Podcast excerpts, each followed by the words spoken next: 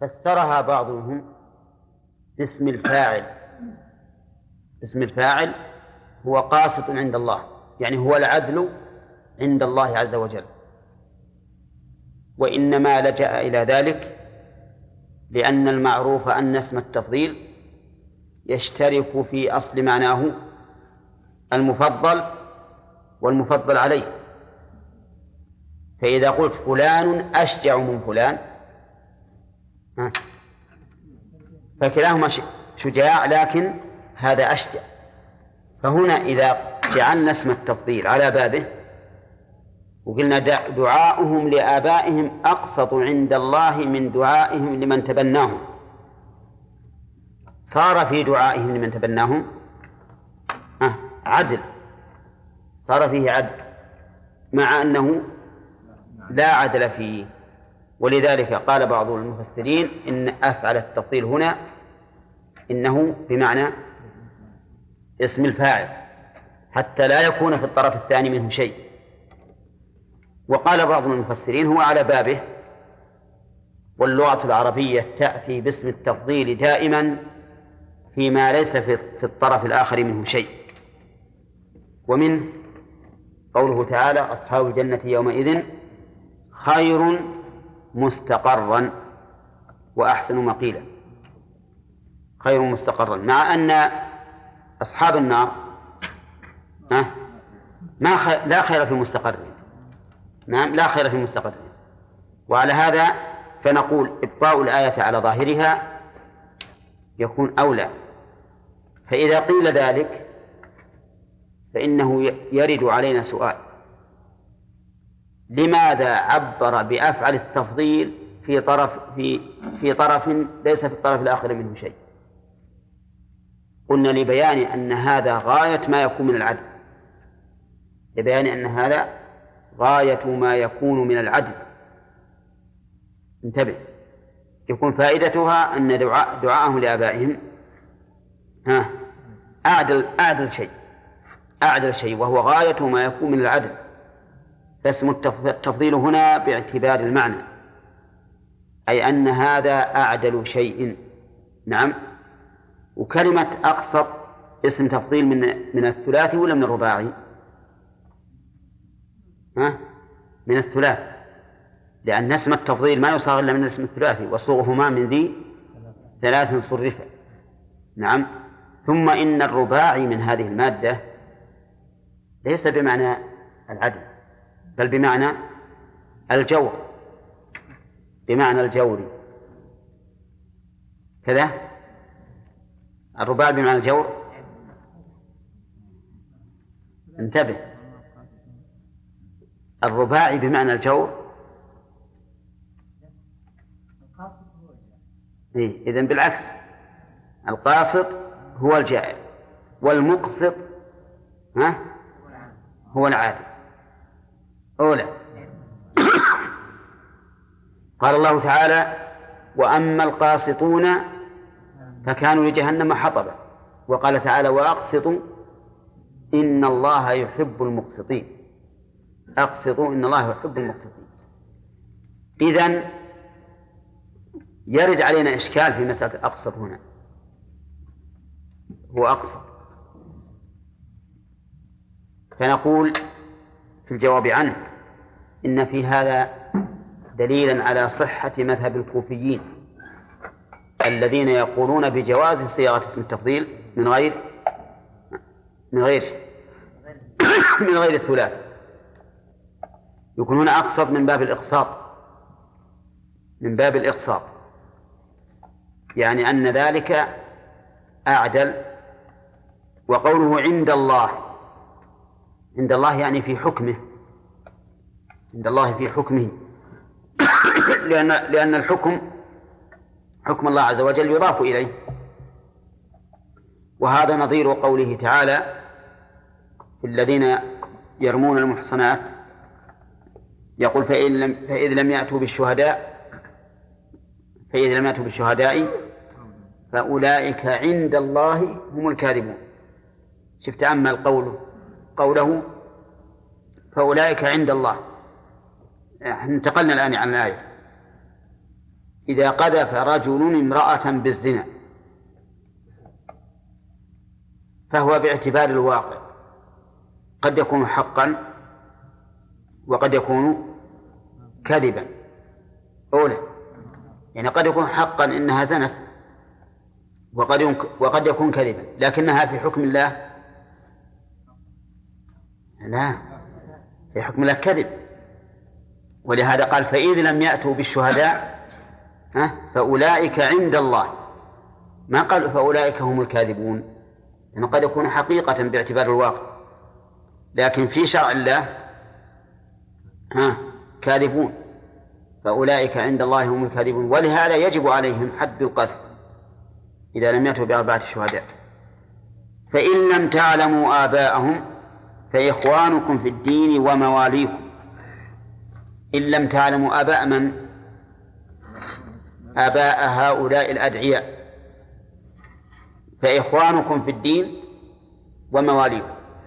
يعني وليسوا أبناء يعني حتى في الحال التي لا يعرف لهذا الرجل ابن أب فإنه لا لا يجوز أن ينسب إلى غير أبيه. ولكن يكون أخا لنا في الدين. ومولا لنا إذا كان قد إذا كان قد دخل في ملكنا ثم حررناه مثلا. ولهذا قال النبي عليه الصلاة والسلام في قصة اختصام علي وجعفر وزيد بن حارث بن حارثة قال لزيد أنت أخونا ومولانا فهو أخي في الدين وليس ابنا لي. وهو أيضا مولاي إذا كنت قد أعتقته. ولا ولا ولا ولو لم أعرف أباه فإننا لا فإنه لا ينسب إلي إلي. ولهذا تجدون العلماء رحمهم الله الذين يكتبون أسماء الرجال عندما ينسبون أحدا من الموالي إلى إلى من أعتقه يقول القرشي مولاهم مثلا. القرشي مولاهم التميمي مولاهم. لأنه لو قال لو يقال القرشي فقط وش يظن الظان؟ أنه قرشي حقيقة. فإذا قالوا مولاهم يعني أنه نسب إليهم لكونه مولى لهم ومولى القوم منهم. حتى إن العلماء قالوا في الصدقة قالوا إنها تحرم على موالي بني هاشم لأن مولى القوم منهم لكنه لا ينسبون إليه نسبا حقيقيا. بل لا بد من أن يقيد ها؟ كيف؟ فإخوانكم في الدين ومواليكم ما بني عمكم ما, ما, ما له وجه نعم من أن أبا زيد بن حارثة ها؟ ومن أن أبا زيد حارثة نعم قدم قدم إلى النبي صلى الله عليه وسلم الشام فقال إنه فخيره النبي صلى الله عليه وسلم. خير زيد فاختار النبي صلى الله عليه وسلم. أي هذا؟ لما قدم أبوه وعمه. فعرف أباه وطلبه أباه. يعني سبب تبنيه سبب تبنيه هذا. هذا كان في أول الإسلام ثم أبطل منسوخ. سابقة. ها؟ وليس عليكم جناح. لكن بس وهي وجوب تقديم الوحي على الرأي. وجوب تقديم الوحي على الرأي. لقوله واتبع ما يوحى إليك. فإن هذا الخطاب موجه إلى رسول الله صلى الله عليه وسلم وإلى أمته بالأولى.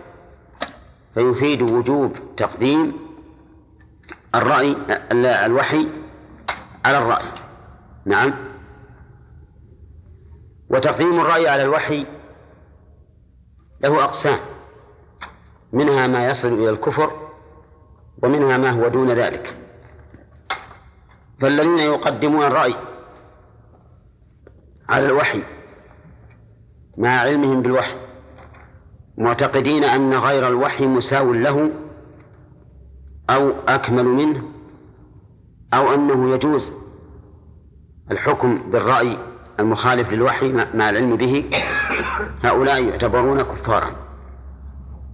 في هذه الأحوال الثلاث إذا اعتقدوا أن الرأي ها أكمل وأنفع من الوحي أو أنه مساو له أو أنه يجوز.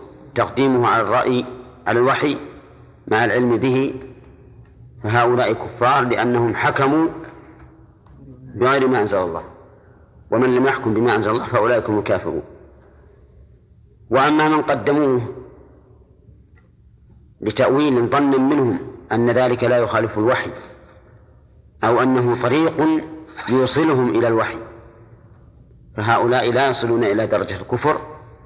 وذلك مثل كثير من المتعصبين للمذاهب. فإنهم لا لا يرون أن هذه المذاهب خارجة عن الوحي وإنما يرون أن ذلك طريق إلى العمل بالوحي. فيقولون هذا إمامنا أعلم منا وأفهم فنتبعه ونتهم رأينا بالنسبة إلى رأيه وإلا فنحن متمسكون بشريعة الله ومحكمون لكتاب الله وسنة رسوله صلى الله عليه وسلم. هؤلاء نقول إنه إذا تبين لهم الحق وجب عليهم اتباعه ولو خالف متبوعهم من الأئمة. وذلك لأن الحق لا يخطئ والأئمة يخطئون. ولا يمكن أن يدعي العصمة لأحد من البشر إلا رسول الله إلا رسول الله صلى الله عليه وسلم. لا يمكن أن يدعي العصمة إلا رجل ضال. الذي يدعي العصمة لغير الرسل رجل ضال كما يفعل الرافضة بأئمتهم.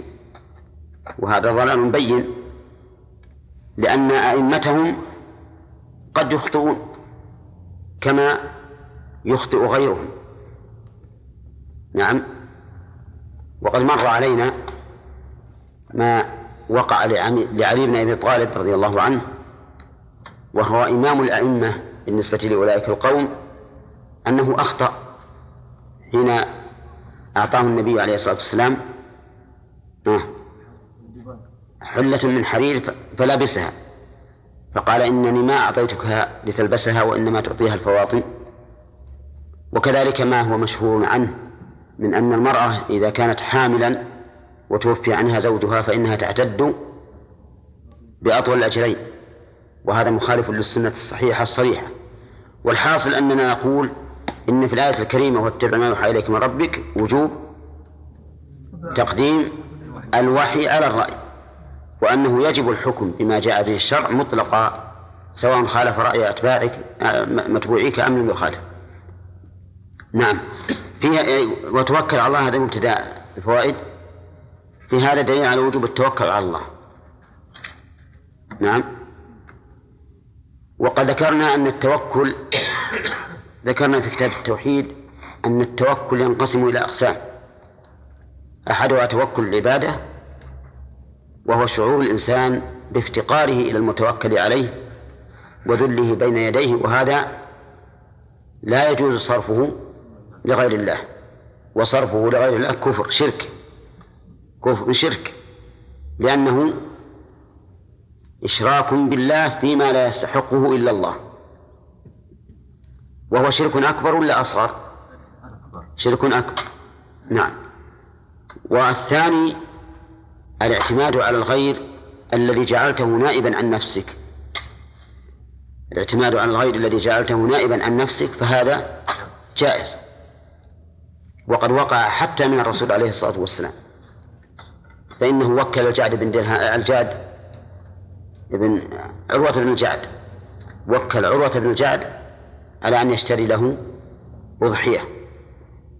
وكان له وكيل في خيبر. وكذلك وكل علي بن أبي طالب رضي الله عنه في ذبح ما بقي من الهدي. وهو جائز ولا إشكال فيه. نعم. و وكل علي بن أبي طالب حين ذهب إلى تبوك أن يكون خليفة له في أهله. وموسى عليه الصلاة والسلام وكل هارون حين ذهب إلى الطور وقال اخلفني في قولي وأصلح إذن هذا جائز ولا إشكال فيه لوقوعه من الأنبياء ولأنه عقد من العقود والأصل في العقود الحل إلا ما قام الدليل على منعه. الثالث أن يعتمد أن يعتمد على من لا يصح الاعتماد عليه على قوة سرية نعلم أنه لا أثر لها في هذا الاعتماد. وهذا قد يكون وهذا شرك قد يكون أكبر وقد يكون أصغر مثل اعتماد ها؟ نعم مثل اعتماد أولئك الذين يتوسلون بالأموات ويعتقدون أن في الاعتماد عليهم خيرا. هؤلاء قد يصل بهم الأمر إلى الشرك الأكبر. وإلا فمجرد اعتمادهم عليهم شرك ولا يحل.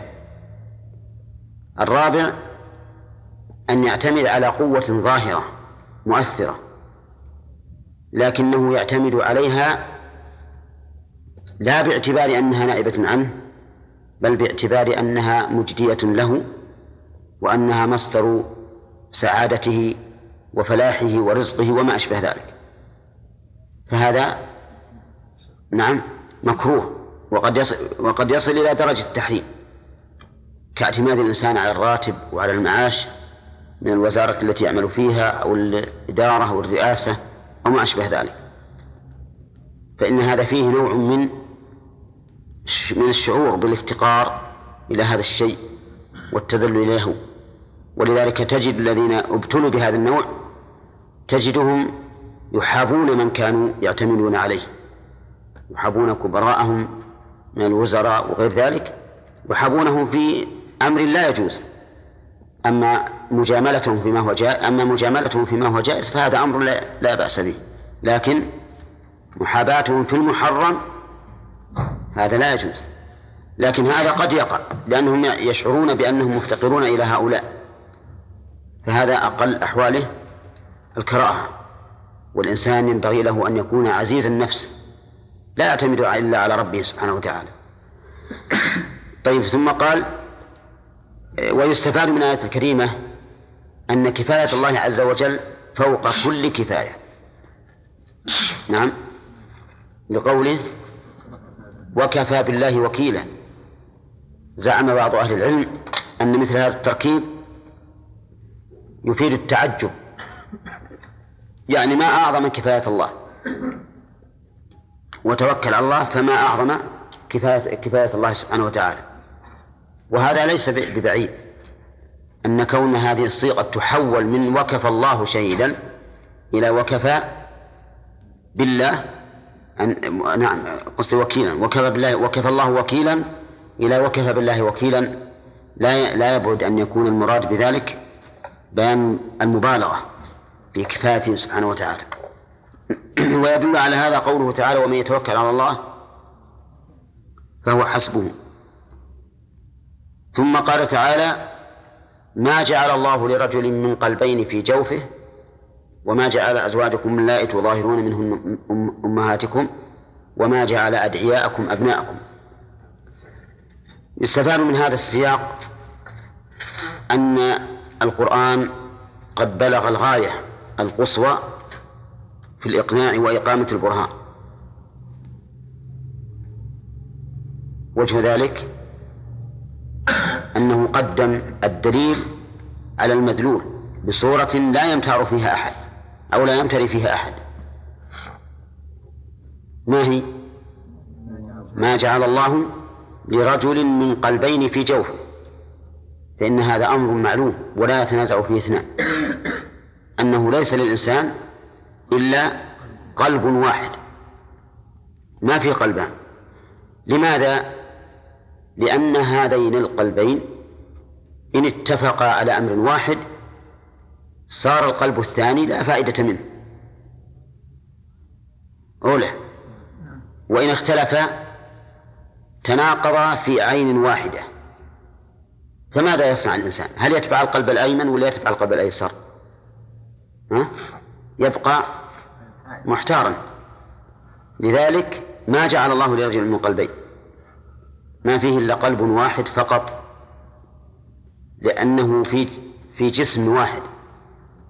وتأمل قوله في جوفه يستفاد منها فائدة. غير غير أنها بيان للواقع. يستفاد أن الجوف الواحد لا يتناسب معه. ها؟ إلا قلب واحد. نعم. وإلا لكان القلبان في جوفين. لا في جوف واحد. فصار فيها فائدة غير ما سبق وهي أنها بيان للواقع بأن الجوف الواحد لا يمكن أن يديره. ها؟ إلا قلب واحد. طيب. ففي في الآية في الآية الكريمة آه، سياق الشيء بالبرهان أو إثبات الشيء بالبرهان الذي يكون قاطعا لا يمتري فيه أحد. ومن فوائد الآية الكريمة أن المرأة المظاهر منها ليست أما. نعم لقوله وما جعل أزواجكم اللائي تظاهرون منهن أمهاتكم. يتفرع على هذه الآية أن يكون جاء أن, أن جعلها أما في الظهار كذب وزور ومنكر. ولهذا قال الله تعالى في آية الظهار وإنهم لا يقولون منكرا من القول وزورا. فهو منكر لمخالفة الشرع وزور وزور لمخالفة الواقع والحقيقة. نعم؟ طيب فيستفاد منها أيضا أو يستفاد من الآيات الكريمة الإشارة أو التنبيه على تحريم الظهار.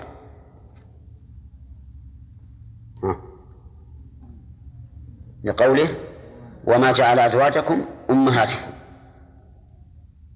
فإذا كان الله ما جعل ذلك فإنه لا يحل لنا أن نجعل شيئا لم يجعل الله. نعم. لأن الأمر إلى الله وحده. ويستفاد من الآية وما جعل أبناءكم أبناءكم يستفاد منها أن الأولاد الأدعياء أو الأبناء الأدعياء ليسوا بأبناء حقيقة. ولا شرعا. ولا شرعا. فهم ليسوا أبناء قدرا وليسوا أبناء شرعا. ولهذا قال وما جعل أدعياءكم أبناءكم. ويستفاد منها. أنه إذا لم يكن الابن الدعي ابنا لا شرعا ولا حقيقة فإنه لا يحتاج إلى إلى قيد يخرجه من معنى البنوة. لماذا لا يحتاج؟ لأنه غير داخل فيها أصلا حتى نحتاج إلى قيد نخرجه به. ويتفرع على هذه الآية على هذه الفائدة بيان ضعف قول من يقول إن الاحتراز في قوله تعالى وحلائل أبنائكم الذين من أصلابكم إن الاحتراز في قوله الذين من أصلابكم عن ابن التبني.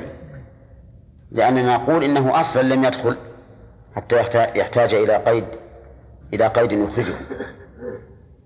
ومن فوائد الآية الكريمة أن الإنسان قد يقول قولا لا يعتقده.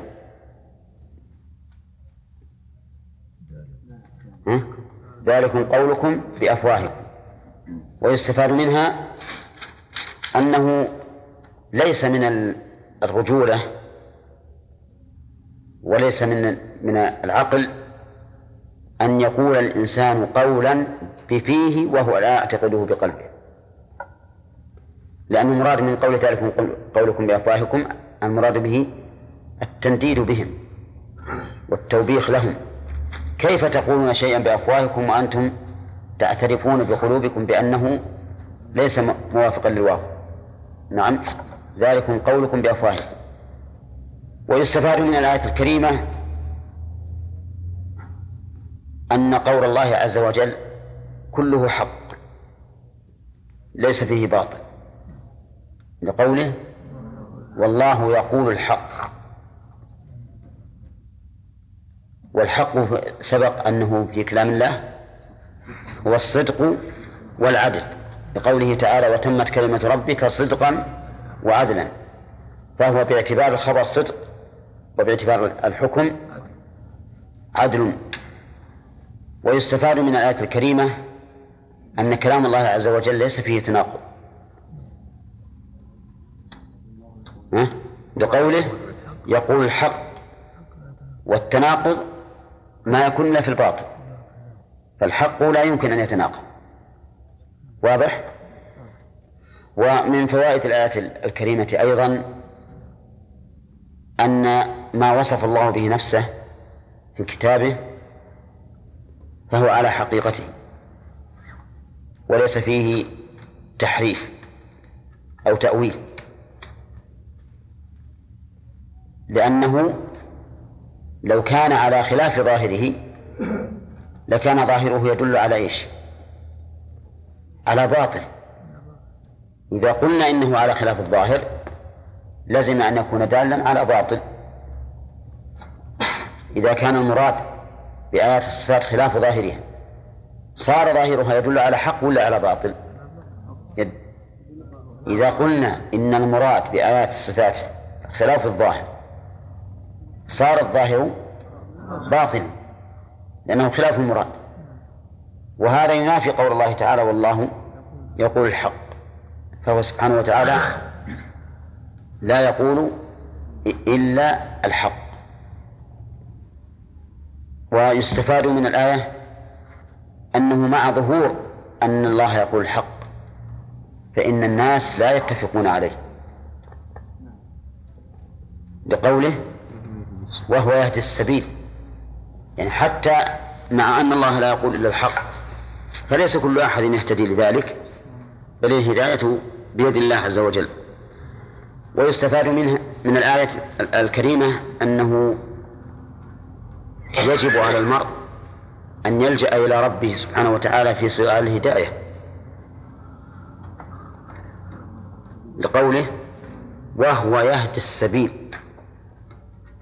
وتأمل تغيير الصيغة حيث قال والله يقول الحق. ثم قال وهو يهدي السبيل. ولم يقل ويهدي السبيل لأجل أن تكون الجملة الثانية مستقلة. بركنيها بمبتدئها وخبرها لأن قوله وهو يهدي هو مبتدأ جملة يهدي خبره فكانت الجملة مستقلة عن الأولى لأن ذلك أبلغ في بيان أن الهداية بيد الله سبحانه وتعالى. ومن فوائد الآية الكريمة أن طريق الحق واحد. بقوله السبيل وهو مفرد. وهكذا تجدون أن السبل تأتي جمعا فيما يخالف الحق كذا حيدر؟ مثل مستقيما فاتبعوه ولا تتبعوا السبل. فالصراط أفرده صراطي. أما السبل أما الصراط الآخر أو المخالف لصراط الله فهو جمع. ولا تتبعوا السبل. وإذا جاء وإذا جاء طريق الحق مجموعا فالمراد تنوع شرائعه. فالمراد تنوع الشرائع. طيب وكذلك الولي الكفار الله ولي الذين آمنوا. يخرجهم من الظلمات إلى النور والذين كفروا. أولياؤهم الطاغوت.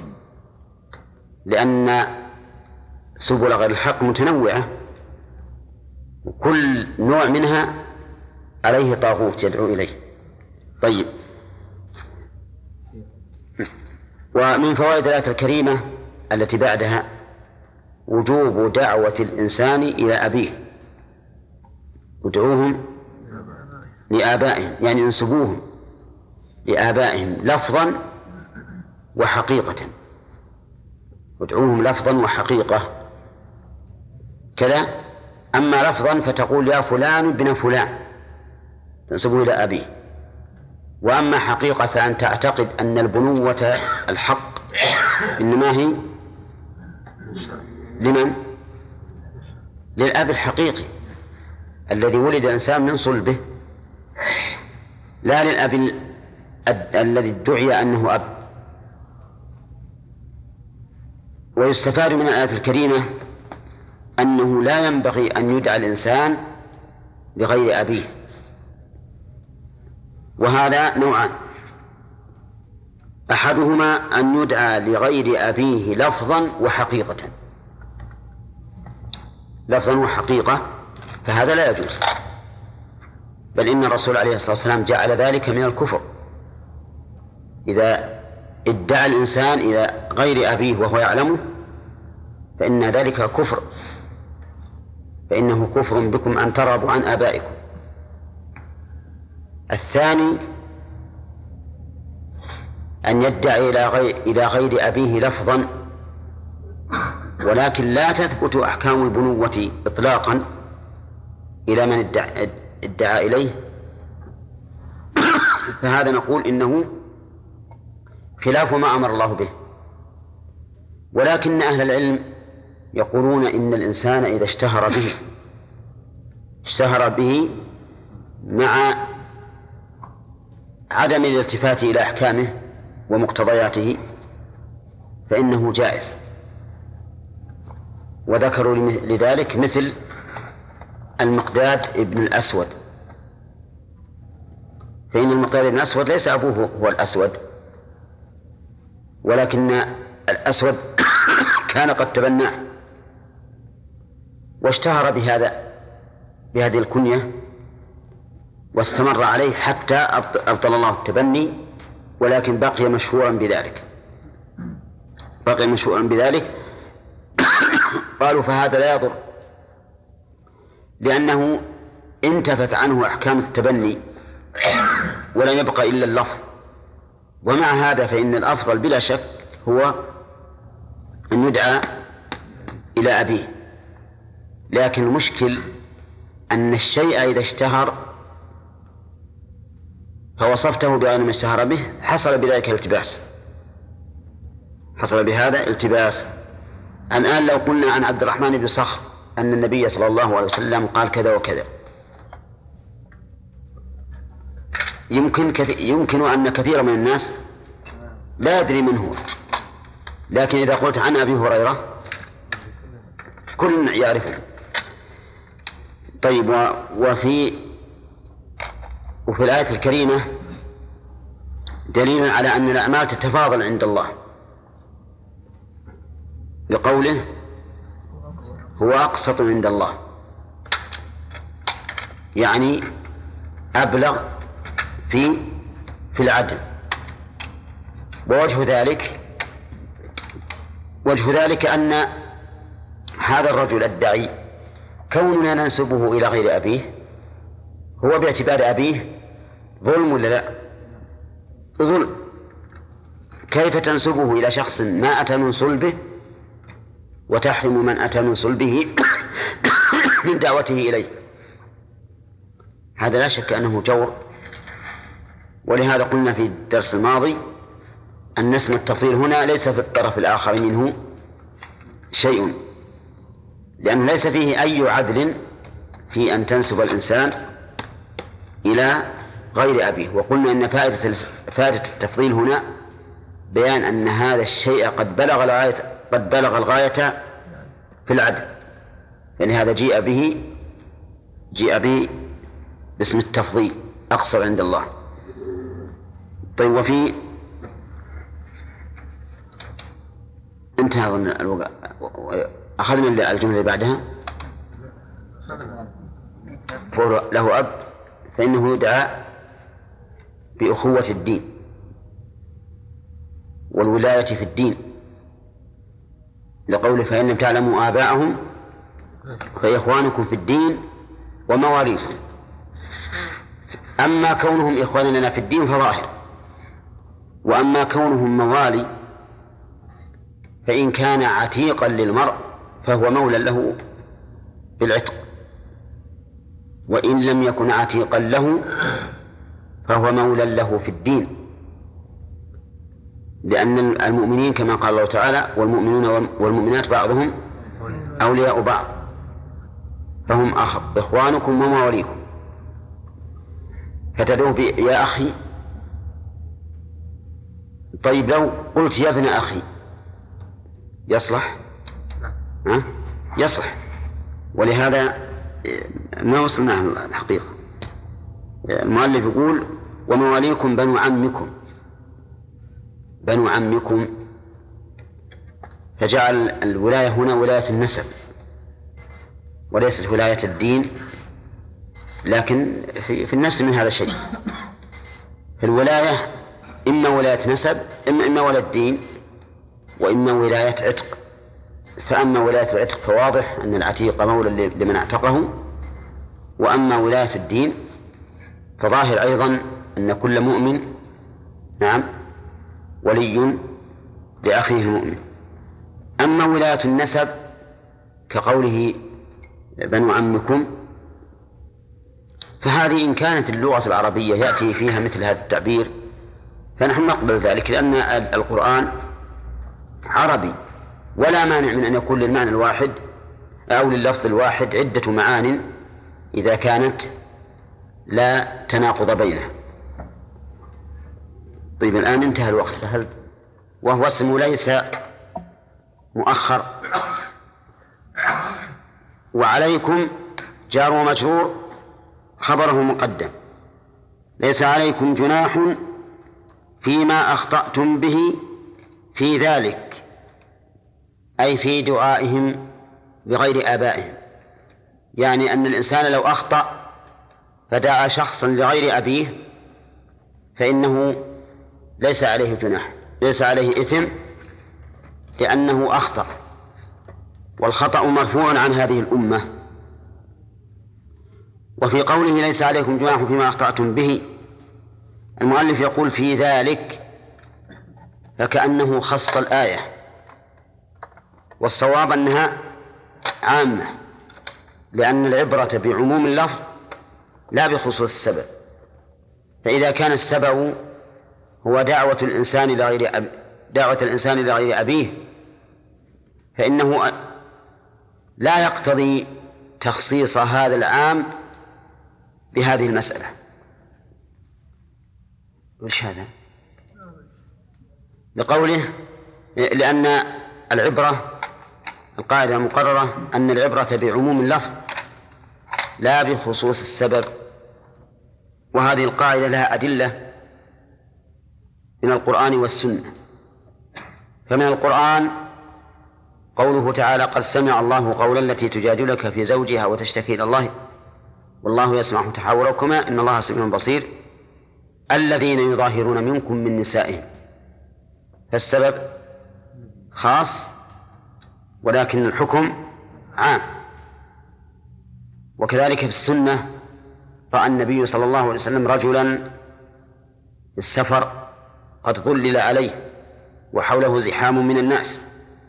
فقال ما هذا؟ قالوا صائم. فقال ليس من البر الصيام في السفر. إلا أن هنا أي في الحديث الذي أشرت الذي ذكرت فيه أن قوله ليس من البر الصيام الصيام في السفر. إذا قلنا أن العبرة بعموم اللفظ لا بخصوص السبب فإنه يشكل على هذا أن النبي صلى الله عليه وسلم كان يصوم في السفر. كما في حديث أبي الدرداء ما فينا صائم إلا رسول الله صلى الله عليه وسلم وعبد الله بن رواحة خلى السواك عند الم... عند الصلاة. ف... فما هو السبب؟ يعني فكيف نجيب عن هذا الحديث؟ ليس من البر. هل النبي صلى الله عليه وسلم لم يفعل برا؟ كلا نقول كما أشار ابن دقيق العيد رحمه الله إلى هذه المسألة إن العبرة بعموم اللفظ لكن. لكن يراعى المعنى الذي من أجله وردت هذه الصيغة ما هو المعنى؟ هو المشقة فنقول العبرة بعموم اللفظ لا بخصوص السبب أي أنه لا يختص هذا الحكم بهذا الرجل بعينه لكنه عام في جميع الناس إلا أنه يجب أن نراعي المعنى الذي من أجله وردت هذه الصيغة العامة وهو المشقة. فنقول ليس من البر الصيام في السفر إذا أدى إلى مثل هذه الحال وهذا واضح جدا. فهل خرج هل هذا خرج عن القاعدة؟ العبرة بعموم اللفظ؟ لا لأنه لو خص الحكم بالرجل المعين لكان خارجا عن القاعدة لكنه ما خص به قيل أنه عام لكل من صام ولحقه من المشقة ما لحق هذا الرجل إذن فالحديث لم يخرج عن القاعدة هكذا يا خالد؟ ماذا قلت؟ إذن قوله تعالى ليس عليكم جناح فيما أخطأتم به لا يختص في من دعا رجلا إلى أبيه مخطئا بل هو عام. وهذه القاعدة العظيمة في الشريعة الإسلامية سيأتي إن شاء الله تعالى بيان ما يترتب عليه من الفوائد. ثم قوله ليس عليكم جناح فيما أخطأتم به. ظاهره العموم في المأمورات وفي المنهيات. ظاهره العموم في المأمورات وفي المنهيات. ولكن من تدبر النصوص وجد أن هذا خاص في المنهيات فقط. أن الإنسان ليس عليه جناح فيما أخطأ به. أما في المأمورات فليس عليه جناح فيما أخطأ به ولكن هذه المأمورات إذا كان خطأه مخلا بصحتها فلا بد من إعادتها على وجه صحيح. فهنا بالنسبة للمنهيات ليس عليه جناح ولا تبعة ولا أثر لكن بالنسبة للمأمورات ليس عليه جناح فيما أخطأ به إلا أنه إذا كان هذا الخطأ مخلا بصحة المأمور فإنه يجب إعادة المأمور على وجه صحيح. انظر إلى الرجل الأعرابي الذي صلى بغير طمأنينة. مخطئا ولا عامدا؟ مخطئا لأنه جاهل. يقول والذي بعثك بالحق لا أحسن غير هذا فعلمني. هل النبي عليه الصلاة والسلام تركه أو أمره أن يعيد الصلاة؟ أمره أن يعيد الصلاة. أمره أن يعيد الصلاة فلهذا نقول إنه ليس عليه إثم في صلاته الأولى التي أخل فيها بواجب الطمأنينة لأنه جاهل.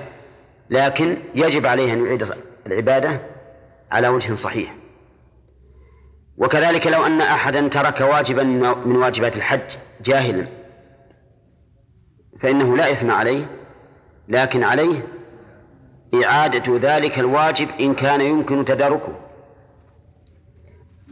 فإن لم يمكن تداركه فعليه بدله عند جماهير أهل العلم وهو فدية يذبحها في مكة ويوزعها على الفقراء.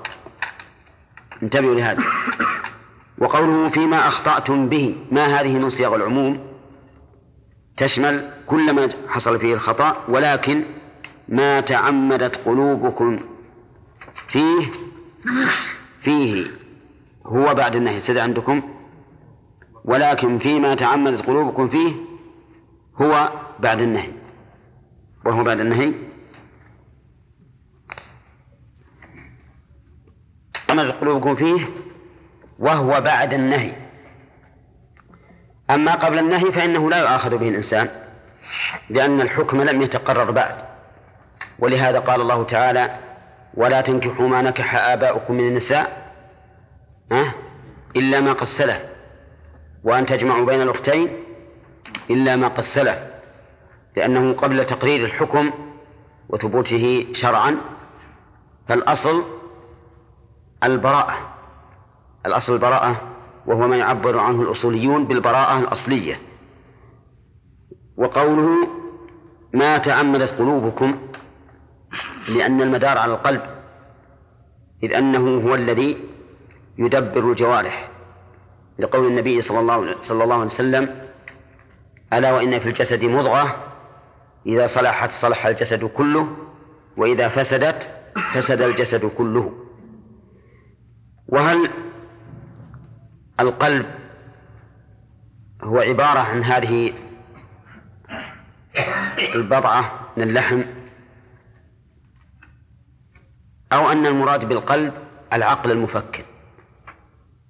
ومحله هذه هذه القطعة من اللحم. ها؟ الثاني. ولكن أين محل العقل؟ الصحيح أنه القلب. لأن الله قال في القرآن فتكون لهم قلوب لا قلوب يعقلون بها. أفلم يسيروا في الأرض فتكون لهم قلوب يعقلون بها. نعم. فجعل العقل في القلب يعقلون بها. ولهذا قال الإمام أحمد إن العقل في القلب وله اتصال بالدماغ. ولكني رأيت كلاما لشيخ الإسلام ابن تيمية أقرب إلى الواقع وإلى الطب الحديث. يقول إن أصل التفكير في الدماغ فهو المفكر لها إلى القلب ثم القلب يدبر. يأمر وينهى. فيكون يكون المخ كالسكرتير للقلب. يفكر وينظر ثم يرسل إلى القلب والقلب هو الذي يدبر بلا شك لأن الكتاب والسنة يدلان على أن القلب هو الذي يدبر كما سمعتم في الآية وكما قال النبي عليه الصلاة والسلام ألا وإن في الجسد مضغة إذا صلحت صلح الجسد كله وإذا فسدت فسد الجسد كله ألا وهي القلب. ولكن الاتصال بين المخ والقلب سريع أو بطيء. ها؟ سريع ما يتصور سرعته لا يتصور. وهذا من, من تمام عظمة الخالق عز وجل. حيث أن هذه المعدات العظيمة في هذا البدن معامل وآلات إلكترونية وأشياء. سبحان الله العظيم. إذا إذا بحث الإنسان يجد ما قال الله عز وجل وفي أنفسكم أفلا تبصرون. وفي الأرض آيات للموقنين وفي أنفسكم. آيات أفلا تبصرون. فسبحان الخالق العليم. فيما أخطأتم به ولكن ما تعمد قلوبكم وكان الله غفورا بما كان من قبلكم من قولكم قبل النهي رحيما بكم في ذلك. قوله وكان الله غفورا بما كان من قولكم قبل النهي. في هذا نظر ظاهر جدا ووجهه أنه قبل النهي لم يثبت الحكم. حتى يكون الإنسان مخالفا يوصف آه، عدم مؤاخذته بالمغفرة. لأن المغفرة فرع عن عن وجود الذنب. وهنا لا ذنب قبل أن يتقرر الحكم. والصواب أنه وكان الله غفورا رحيما فيما وقع من قولكم بعد النهي على سبيل الخطأ. فإن هذا من مغفرته سبحانه وتعالى ورحمته أنه يرفع الخطأ عمن فعله بعد النهي وتقرر الحكم. ثم يقال أيضا كان الله غفورا رحيما تعود إلى الفعل الخطأ والفعل العمد أما الفعل الخطأ فإن رفع المؤاخذة به من آثار الرحمة. ولو شاء الله عز وجل لو, لا لو, لو شاء الله تعالى لكان يؤاخذ عباده. نعم. بالجهل كما يؤاخذهم بالعمد لكن رحمته سبقت غضبه سبحانه وتعالى. وأما غفور فإنه يعود إلى ما فعل عمدا فإن فإن من مقتضى كون الله غفورا أن يسعى الإنسان في أسباب مغفرته وذلك بماذا؟ بالتوبة مما حصل منه فإذا تاب فإن الله يتوب عليه ويغفر له ثم قال الله عز وجل ها؟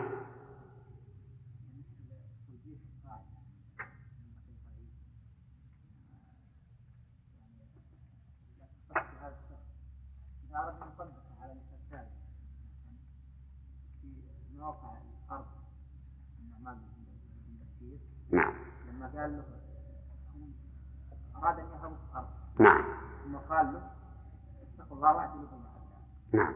يعني في هذه الأمر فإذا أردنا نطبق يعني توجيه ابن العين نقول لا يختص بابن النعمان بن بشير. نعم. لكن هل يختص بالأراضي؟ لا لا. ما يختص بالأراضي. لأن قوله اعدلوا يشمل كل عطية ما يختص بالأراضي. ثم أن نعم. ما يخالف ما يهم. ما دام عندنا اعدلوا. فهل من العدل أن تعطي هذا مئة سيارة ولا تعطي الآخر؟ وتقول الله هذه مئة أرض؟ في المثال هذا لا لا إحنا قلنا المعاني. هذه ما لها دخل في المعنى. يعني يكون المعطى أرضا أو غلاما كما جاء في بعض الألفاظ نعم أو بستانا ما يهم. الكلام على المعنى وهو الجور وهو الجور هذا بارك الله فيك ما تدخل في الموضوع. ولهذا نقول نراعي المعاني. إي نعم. أما مسألة القضايا لا، الاعيان هذه ما لها ما لها دخل. يقول النبي أولى بالمؤمنين من أنفسهم وأزواجه أمهاتهم. النبي مبتدأ وأولى خبر وهي اسم تفضيل من الولاية. أولى بهم من أنفسهم أولى به نعم بالمؤمنين. أولى بالمؤمنين من أنفسهم فيما دعاهم إليه ودعتهم أنفسهم إلى خلافه.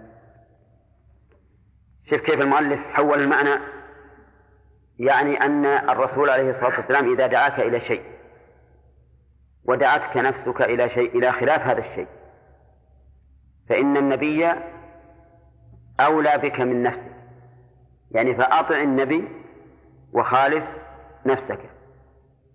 وهذا لا شك أنه داخل في, في, في الآية لكن الآية أعم وأشمل وأدق. يعني إذا كان الإنسان يسعى لنفسه بما فيه الخير فإن الرسول عليه الصلاة والسلام أولى به من نفسه أولى به من نفسه ويشمل عدة وجوه عدة وجوه. الوجه الأول أن أن الرسول عليه الصلاة والسلام بالنسبة للمؤمنين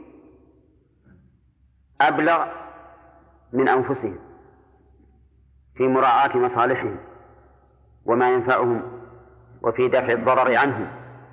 ولهذا قال النبي عليه الصلاة والسلام أنا أولى بكل مؤمن من نفسه. من ترك مالا فلورثته ومن ترك دينا فعليه. هذه من جملة قوله داخلة في قوله النبي أولى بالمؤمنين من أنفسهم ثانيا النبي أولى بالمؤمنين من أنفسهم في تقديمه على أنفسهم. في تقديمه على أنفسهم. ولهذا لا يمكن لا يتم الإيمان حتى يكون النبي صلى الله عليه وسلم أحب إليك من نفسك. كما قال عمر والله يا رسول الله إنك لأحب إلي من كل شيء إلا من نفسي. فقال ومن نفسك يا عمر؟ فقال ومن نفسي قال الآن عمر. فيجب على كل مؤمن أن يحب النبي صلى الله عليه وسلم أكثر من محبته لنفسه. واضح؟ ثالثا ما أشار إليه المؤلف من أن الرسول عليه الصلاة والسلام أولى بك من نفسك فيما يدعوك إليه وتدعوك نفسك إليه. فإذا دعتك نفسك إلى شيء يخالف ما دعاك إليه النبي عليه الصلاة والسلام فإن النبي صلى الله عليه وسلم أولى بك من نفسك. واضح؟ فإذا النبي صلى الله عليه وسلم أولى بالمؤمنين من أنفسهم كلمة عامة تشمل كل ما فيه ولاية وتولي. فالرسول عليه الصلاة والسلام أولى بالمؤمنين من أنفسهم. أما غير المؤمنين فإن هذا الوصف لا ينطبق عليهم بالنسبة للرسول صلى الله عليه وسلم. نعم. إي نعم هكذا بس أنا قصد المنة ما هو محصور في هذا. لا لا لا. ما في تعقب الا انه بس يخشى أن يتوهم واهم انحصار هذه المسألة في هذا في هذه الصورة. قال وأزواجه أمهاتهم. ها؟ ما وأزواجه أمهاتهم؟ ليش تنقص؟ وأزواجه أمهاتهم. وأزواجه أمهاتهم أزواج النبي صلى الله عليه وسلم أمهات المؤمنين. شوف فرق التعبير. ما قال النبي أب للمؤمنين وأزواجه أمهاته؟ قال النبي أولى بالمؤمنين من أنفسهم أشد من الأب. أبوك ليس أولى بك من نفسك لكن الرسول عليه الصلاة والسلام أولى بك من نفسك. فهذا أعظم من قوله وأزواجه أمهاتهم. ومن أجل هذه الولاية التي هو أولى بك من نفسك كانت أزواجه أمهات لنا. أمهات لنا من قبلهن ولا من قبلنا؟ يعني هل هن ينظرن إلينا كنظر كالنظر إلى الأبناء؟ أو نحن ننظر إليهن كنظر الأمهات؟ أو الأمرين. الأمرين. نحن نعلم أن أمهات المؤمنين رضي الله عنهن بالنسبة لأمة محمد عليه الصلاة والسلام أمة الإجابة ينظرن إلى هذه الأمة كما تنظر الأم إلى أولادها. ونحن يجب علينا أن ننظر إليهن كما ننظر إلى الأمهات لأنهن زوجات من هو أولى بنا من أنفسنا النبي عليه الصلاة والسلام. فلا جرم أن يكن بمنزلة الأمهات في الاحترام والتقدير والدفاع عنهن وعدم التعرض لما وقع من مما وقع إن وقع شيء في مخالفتهن بغيرة أو غيرها.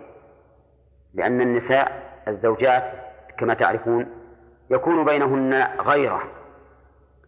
فقد تخطئ المرأة بسبب فقد تخطئ المرأة خطأ يحملها عليه الغيرة والغيرة أمر يملك الإنسان ولا يملكه. كما أن الغضب يملك الإنسان ولا يملكه. فما وقع في مثل قوله تعالى إن تتوبا إلى الله فقد صغت قلوبكما وإن تظاهر عليه فإن الله هو مولاه وجبريل وصالح المؤمنين. مثل هذا يجب علينا أن ندافع بقدر ما نستطيع من اتخذوا من مثل هذه القضية اتخذوا منفذا للطعن في زوجات الرسول عليه الصلاة والسلام. ولا ريب أن من طعن في زوجات النبي صلى الله عليه وسلم فإنه لا يقتصر طعنه عليهن بل يشمل الرسول عليه الصلاة والسلام. أسألك لو أن رجلا اتخذ من فواسق النساء زوجات له هل هذا مدح له أو قدح؟ قدح بلا شك. فمن قدح في واحدة من أمهات المؤمنين فإن قدحه يتعدى إلى النبي صلى الله عليه وسلم بلا شك. ولا سيما إذا كان القدح فيما يتعلق بالشرف والنزاهة. ولهذا الصحيح من أقوال أهل العلم أن من رمى بالزنا واحدة من أمهات المؤمنين فإنه يكون كافرا كفرا مخرجا عن الملة. أما عائشة إذا رماها بما برأها الله به فلا شك في كفره لأنه مكذب للقرآن. وأما غيرها فإنه إذا قذف إذا قذف واحدة بالزنا فإنه مكذب للقرآن أيضا من جهة أخرى. يقول الله تعالى الخبيثات للخبيثين والخبيثون للخبيثات. والطيبات للطيبين والطيبون للطيبات. ولا شك أن الزنا والعياذ بالله خبث. فأنت إذا وصفت واحدة من أمهات المؤمنين بالزنا وإن لم تكن عائشة رضي الله عنها فقد وصفت النبي صلى الله عليه وسلم بالخبث. نسأل الله العافية. وحينئذ تكون يكون الإنسان كافرا لا شك.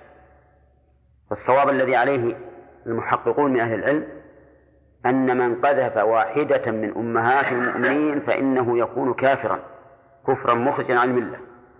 وكذلك من قذف غيرهن من زوجات الأنبياء يكون كافرا للآية التي ذكرت الخبيثة للخبيثين إلى آخره. نعم. الخبيثات سيئات العمل. عن الزوجة لا هذه كافرة. ما هو خبث الزنا؟ ولهذا خانتاهما بالكفر. نعم. إذا أزواجه أمهاتهم بماذا؟ من الناحيتين. يعني أن أننا لزوجات الرسول عليه الصلاة والسلام بمنزلة الأبناء وأنهن لنا بمنزلة الأمهات. لكن هل هو في في المحرمية والنظر والخلوة أو في الاحترام فقط. ها؟ يقول المؤلف رحمه الله في حرمة نكاحهن عليهم. ما يكفي هذا. في حرمة نكاحهن عليهم لا شك أنه لا يحل لأحد أن يتزوج امرأة بعد وفاة النبي صلى الله عليه وسلم من زوجاته. ولكن هذا هذا الاحترام ليس لهن فحسب. بل حتى للرسول عليه الصلاة والسلام احتراما له. ولذلك إذا توفي الرجل عن المرأة ولو كانت لا تحيض تعتد بأربعة أشهر وعشر. احتراما للنكاح الأول. احتراما للنكاح الأول. إلا إذا كانت حاملا فبوضع الحمل. أقول إنهن أمهات المؤمنين في حرمة النكاح وفي وجوب احترامهن. وفي وجوب احترامهن. طيب من سؤال؟ من يسأل. نعم. نعم. نعم. لكن لو كانت الزنا يكون اهون من الكفر. لا لا. لأن الزنا يعود إلى إلى سوء الخلق. وأن يكون الرجل الذي يقر امرأته على الفاحشة يكون ديوثا. فيتعدى زنا المرأة إلى زوجها. لكن كفرها لا يتعدى إليه. نعم.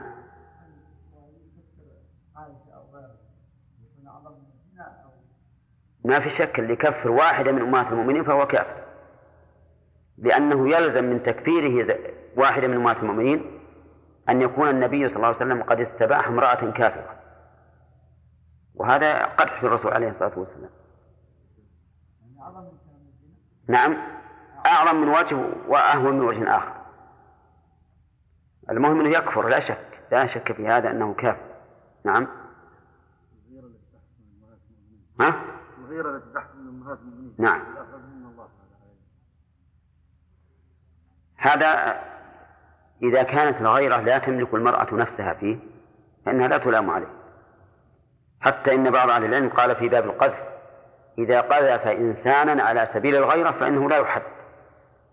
لأن الغيرة كما قلت تملك الإنسان ولا يملكها كالغضب وأشد.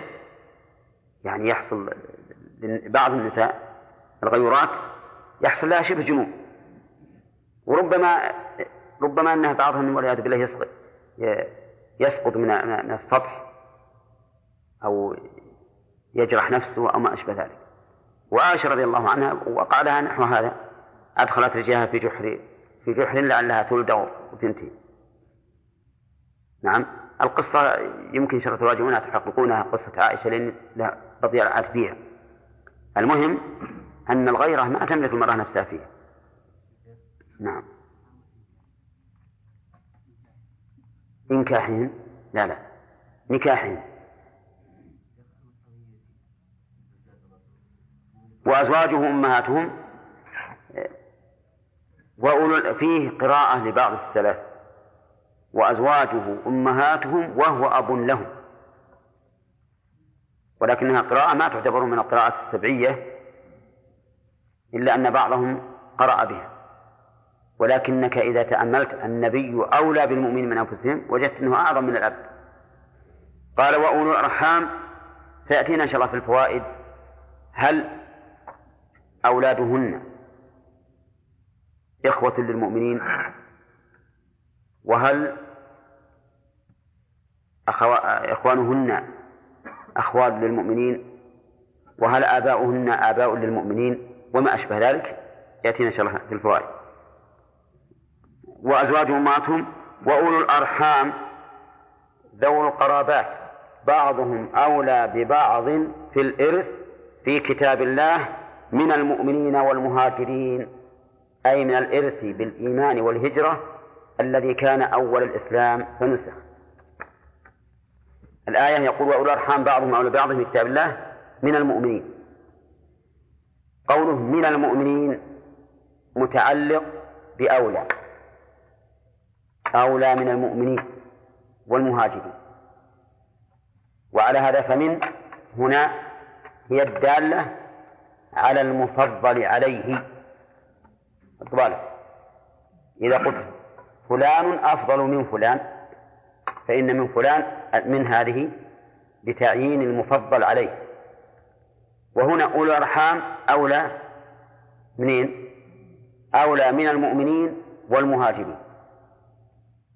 أولو الأرحام بعضهم أولى ببعض من المؤمنين والمهاجرين.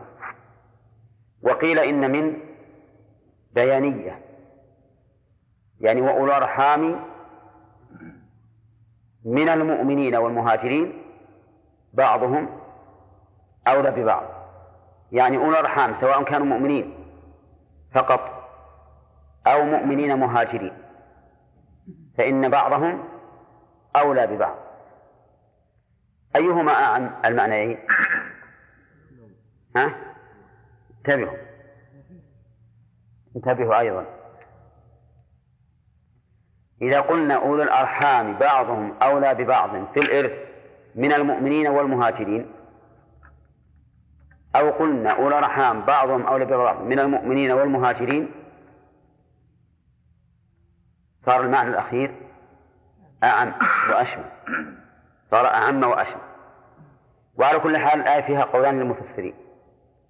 القول الأول أن هذه ناسخة للإرث الثابت في أول الإسلام. بين المؤمنين من الأنصار والمهاجرين من المسلمين. فكان بالأول جعل النبي عليه الصلاة والسلام بينهم أخوة. رتب أخوة يتوارثون بها. حتى أنزل الله آية الإرث. وجعل ذوي الأرحام بعضهم أولى ببعض. هذا رأي. الرأي الثاني يقول أولو الأرحام من المؤمنين والمهاجرين بعضهم أولى ببعض. وعلى هذا فتكون آية محكمة ليس فيها نص وتكون أعم من الإرث. تكون أعم من الإرث. أولى ببعض في كل شيء حتى في ولاية النكاح وغير ذلك. نعم فهم بعضهم أولى ببعض. أولو بمعنى أصحاب. والأرحام جمع رحم وهو القرابة. يعني ولهذا قال مالك ذوي القرابات. وأما ما اشتهر عندنا في في عرفنا أن الأرحام أقارب الزوجة. فهذا غير صحيح أقارب الزوجة يسمون يسمون أصهارا ومن أجل هذا الخطأ في المعنى صار بعض الناس يقول أنتم تقولون إن أسباب الإرث ثلاثة رحم ونكاح وولد وين الثالث؟ ها؟ الرحم ونكاح واحد عند هؤلاء فيقولون أين الثالث؟ نقول إن فهمكم للرحم فهم خاطئ وهذا هو ما يرمي إليه الشرع في تسمية الأشياء بأسمائها الشرعية حتى لا يحصل الخطأ الآن عند العامة كلمة العم تطلق على من؟ على زوج الأم تطلق على زوج الأم. دائما يسألونك بعض الناس قال له عمه وقال له عم وتبني أنت على أنه عمه أخو أبيه وبعدما أن يعني يدور الكلام تجد أنه أراد بالعم زوج أمه. فكل هذه الأشياء ينبغي لنا أن نصحح كلام الناس فيها حتى لا يقع الخطأ. يستفاد من الآية الكريمة يستفاد من الآية الكريمة نفي الإثم في الخطأ. نفي الإثم في الخطأ بقوله وليس عليكم جناح فيما أخطأتم به. ويستفاد منه أيضا نفي الحنث في الخطأ أيضا. الحنث يعني الحنث في اليمين. إذا حلف على يمين أن لا يفعل شيئا ففعله جاهلا جاهلا به. مثل حلف أن لا يكلم إنسانا فكلم شخصا لا يدري أنه فلان الذي حلف على ترك تكليمه فإنه ليس عليه ها؟ ليس عليه حنث. وكذلك أيضا في الطلاق. لو علق الطلاق على شيء ففعله جاهلا أنه هو الشيء الذي علق الطلاق عليه فإنه لا حنث عليه وكذلك لو فعل مكفرا جاهلا أنه يكفر فإنه لا شيء لا إثم عليه من أين يؤخذ هذا كله؟ يؤخذ من العموم في قوله فيما أخطأتم به من العموم. ثم إن نفي الإثم لا يستلزم نفي القضاء فيما يجب قضاؤه. وعلى هذا فتكون الآية في في باب المحظورات لا في باب المأمورات. ولهذا لم يعذر النبي صلى الله عليه وسلم الجاهل الذي كان يصلي ولا يطمئن في صلاته. بل جعله يعيد مرة بعد أخرى حتى أعلمه وبين له. نعم. كذا يا حيدر. إذن نقول باب المأمورات لا يؤاخذ الإنسان بتركه إياها لكن لا يلزم من عدم مؤاخذته بتركها جهلا أن يسقط عنه ها فعلها أو فعل بدلها. واضح؟ والدليل؟ أن النبي عليه الصلاة والسلام لم يعذر الجاهل في ترك الطمأنينة. طيب. ولكنه سبق لنا في الدرس أنه قد يكون الإنسان مفرطا في ترك السؤال فيلزمه الإثم لتفريطه.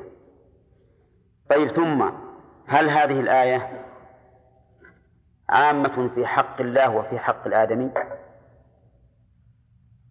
ننظر نقول حتى في حق الآدمي لأن الآية عامة.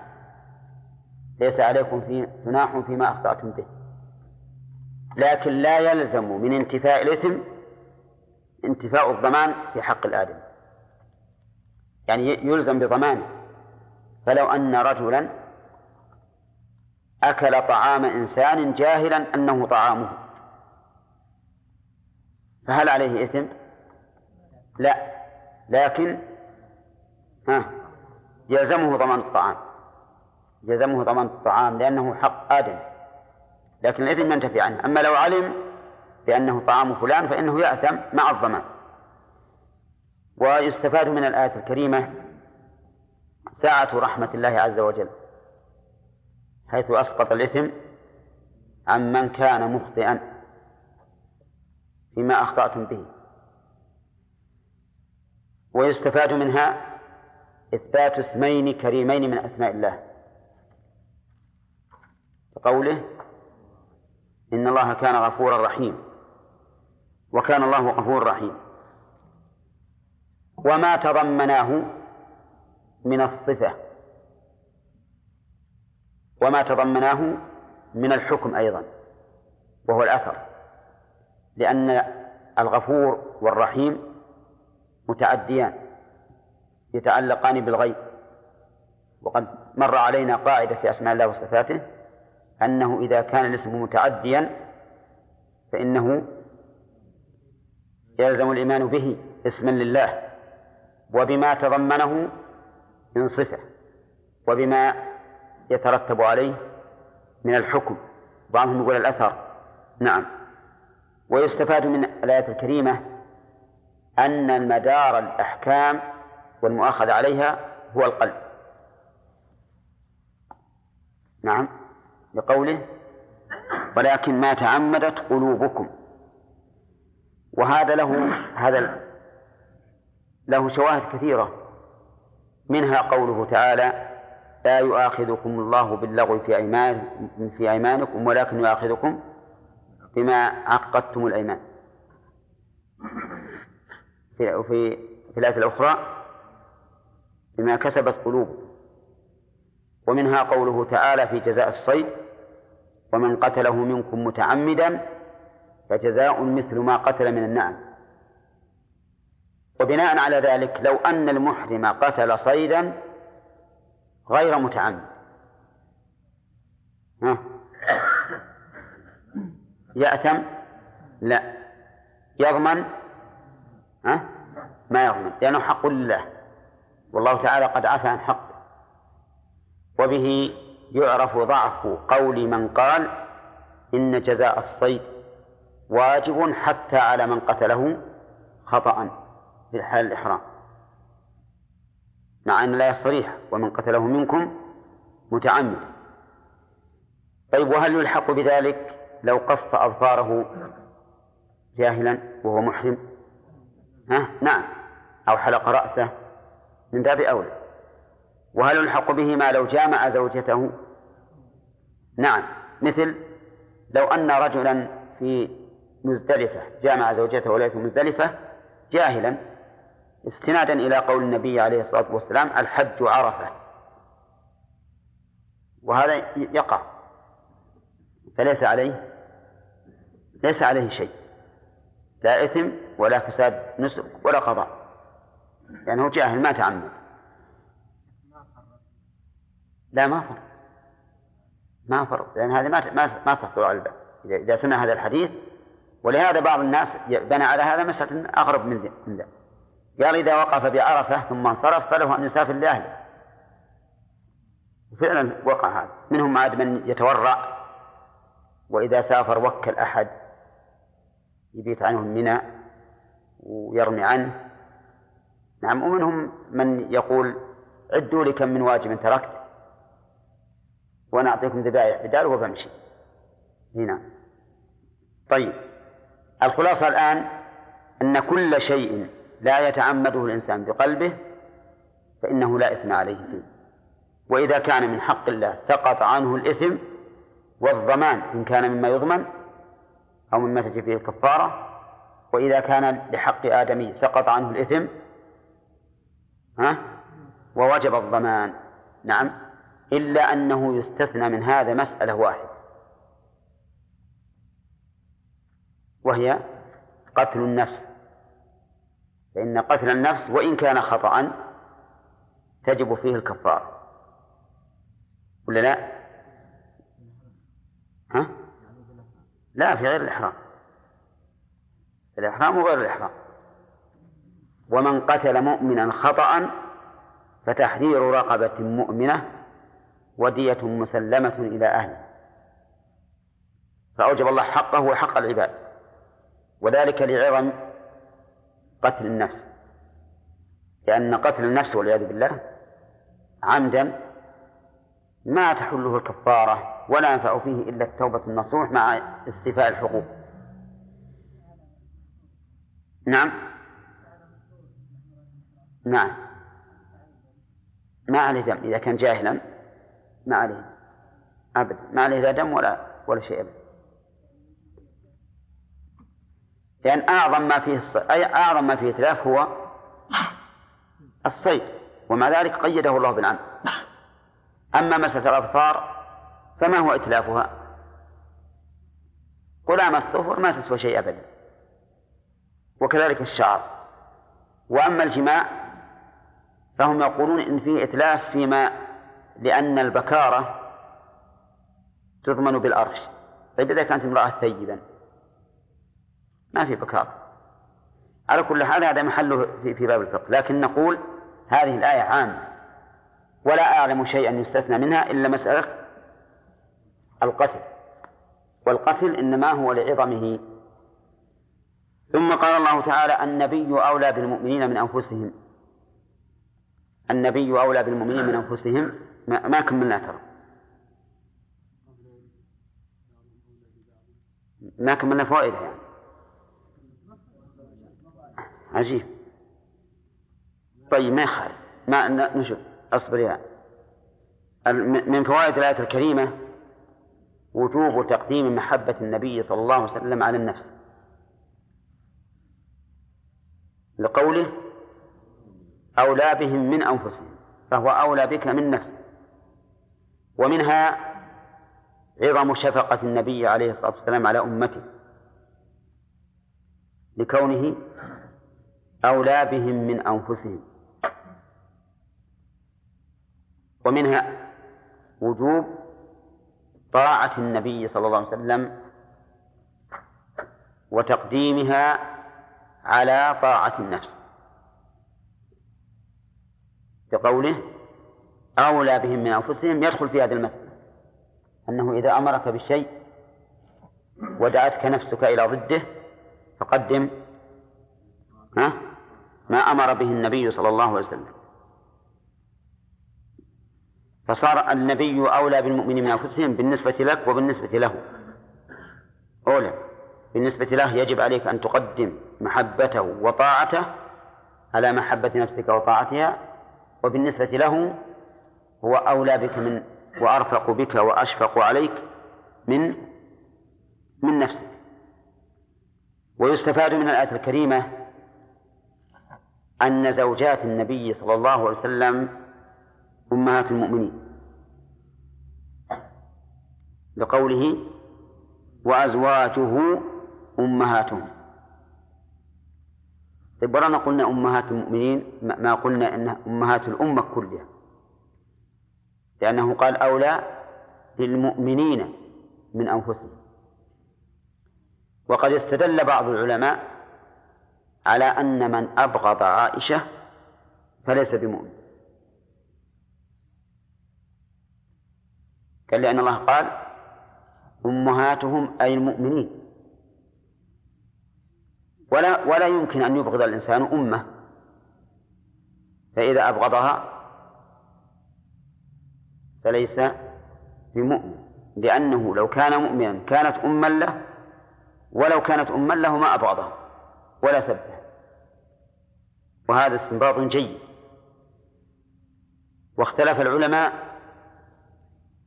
هل يسمى أقارب زوجات الرسول عليه الصلاة والسلام بما يقتضيه النسب؟ فيسمى أخو زوجات الرسول يسمى إخوة زوجات الرسول أخوالا للمؤمنين أو لا؟ وهل يسمى أيضا آباؤهن. آباء للمؤمنين وأبناؤهن إخوة للمؤمنين. في هذا خلاف بين أهل العلم. والصحيح أنه لا يسمى هؤلاء بما يسمى نظيره في النسب. لأن هذه الأمومة خاصة بعلاقتهن بمن؟ بالنبي صلى الله صلى الله عليه وسلم. وأقاربهن ليس لهم علاقة برسول الله صلى الله عليه وسلم.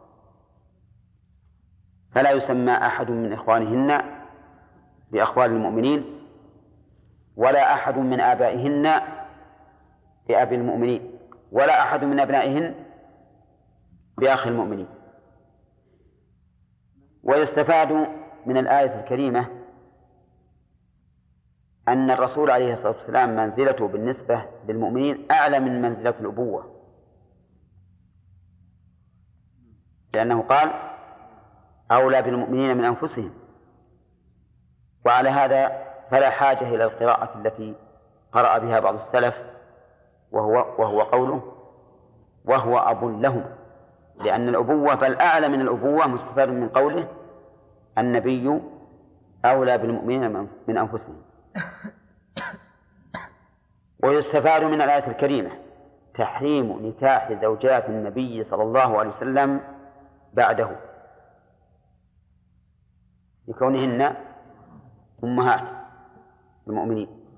وسيأتي في هذه السورة قوله تعالى ولا وما كان لكم أن تؤذوا رسول الله ولا أن تنكحوا أزواجه من بعده أبدا. إن ذلكم كان عند الله عظيما. وهذا من حماية الله لفراش النبي صلى الله عليه وسلم.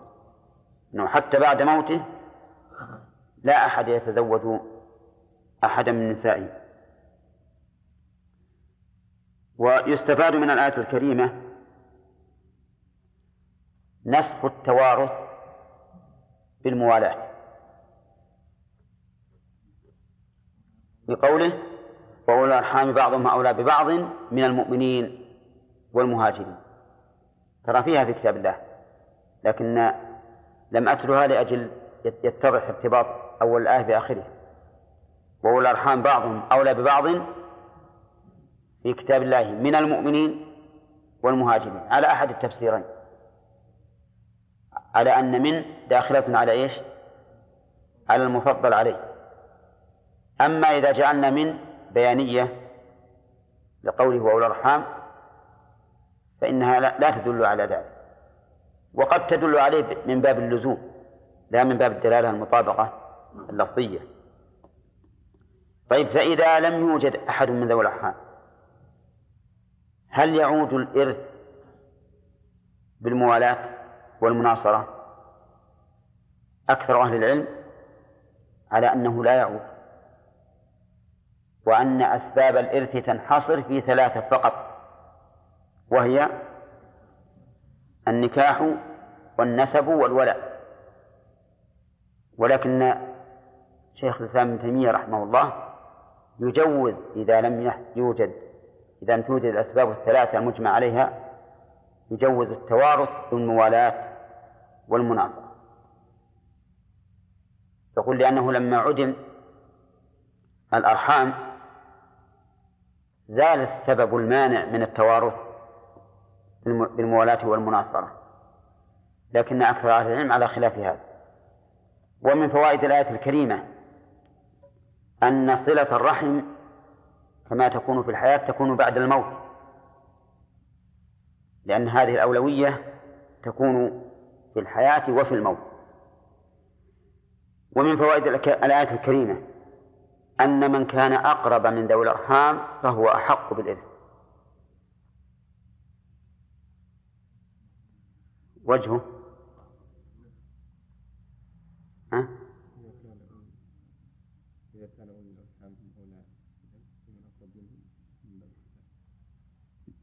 سبق لنا قائد في هذا في هذا الباب. وهو أنه إذا علق الحكم على وصف فكل ما كان الوصف في شيء أقوى كان الحكم فيه أولى. فما دام أولو الأرحام أولى لأنهم ذو أرحام. فمن كانت رحمه أقوى فهو أولى. ولهذا قال النبي عليه الصلاة والسلام ألحقوا الفرائض بأهلها فما بقي فلأولى رجل ذكر. أنا لو قلت لك إذا رأيت فاسقا فاجلده مثلا. فهل هذا الأمر بالجلد؟ هل يختلف باختلاف الفاسقين؟ أو أفسقهم وأقلهم؟ على حد سواء. يختلف. لأن القاعدة هذه إنه القاعدة اللي ذكرنا أنه إذا علق الحكم بوصف فإن فإنه متى كان هذا الوصف في محل أقوى؟ كان ذلك الحكم كان ذلك المحل بالحكم أولى. نعم. ومن فوائد الآية الكريمة فضيلة الهجرة نشوف الآن. ولا لا؟ كيف؟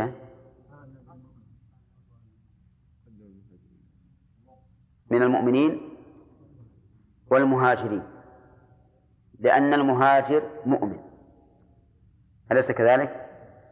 تخصيصه بالعطف تخصيصه بالعطف يدل على شرفه وفضله. كما في قوله تعالى تنزل الملائكة والروح فيها. الروح من؟ جبريل. تخصيصه بالعطف وهو من الملائكة. دليل على شرفه وتكريمه. نعم. ثم قال الله تعالى إلا أن تفعلوا إلى أوليائكم معروف. يقول المؤلف بعد لا قبل شيء. قال في كتاب الله. في كتاب الله. كتاب الله أي أي مكتوب فهو فعال بمعنى مفعول. وهل المراد في كتاب الله أي في الوحي أو في كتاب الله أي في في فرض الله؟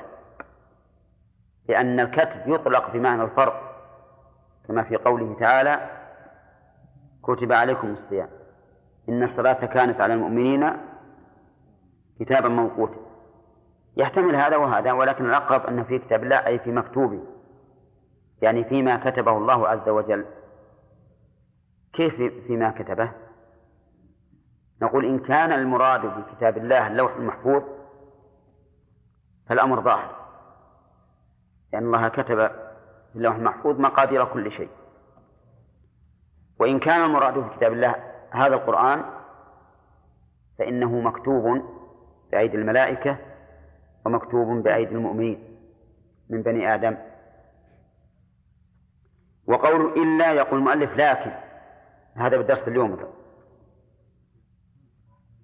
نعم. ماذا؟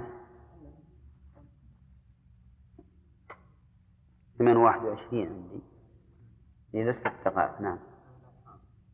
هذه الآية يستفاد من الآية الكريمة أيضا ثبوت الإرث لذوي الأرحام. ثبوت الإرث لذوي الأرحام. ومن هم ذوي الأرحام؟ في اصطلاح الفرضيين. كل قريب ليس بذي فرض ولا عصر. والعلماء قد اختلفوا فيه. فمنهم مش هذا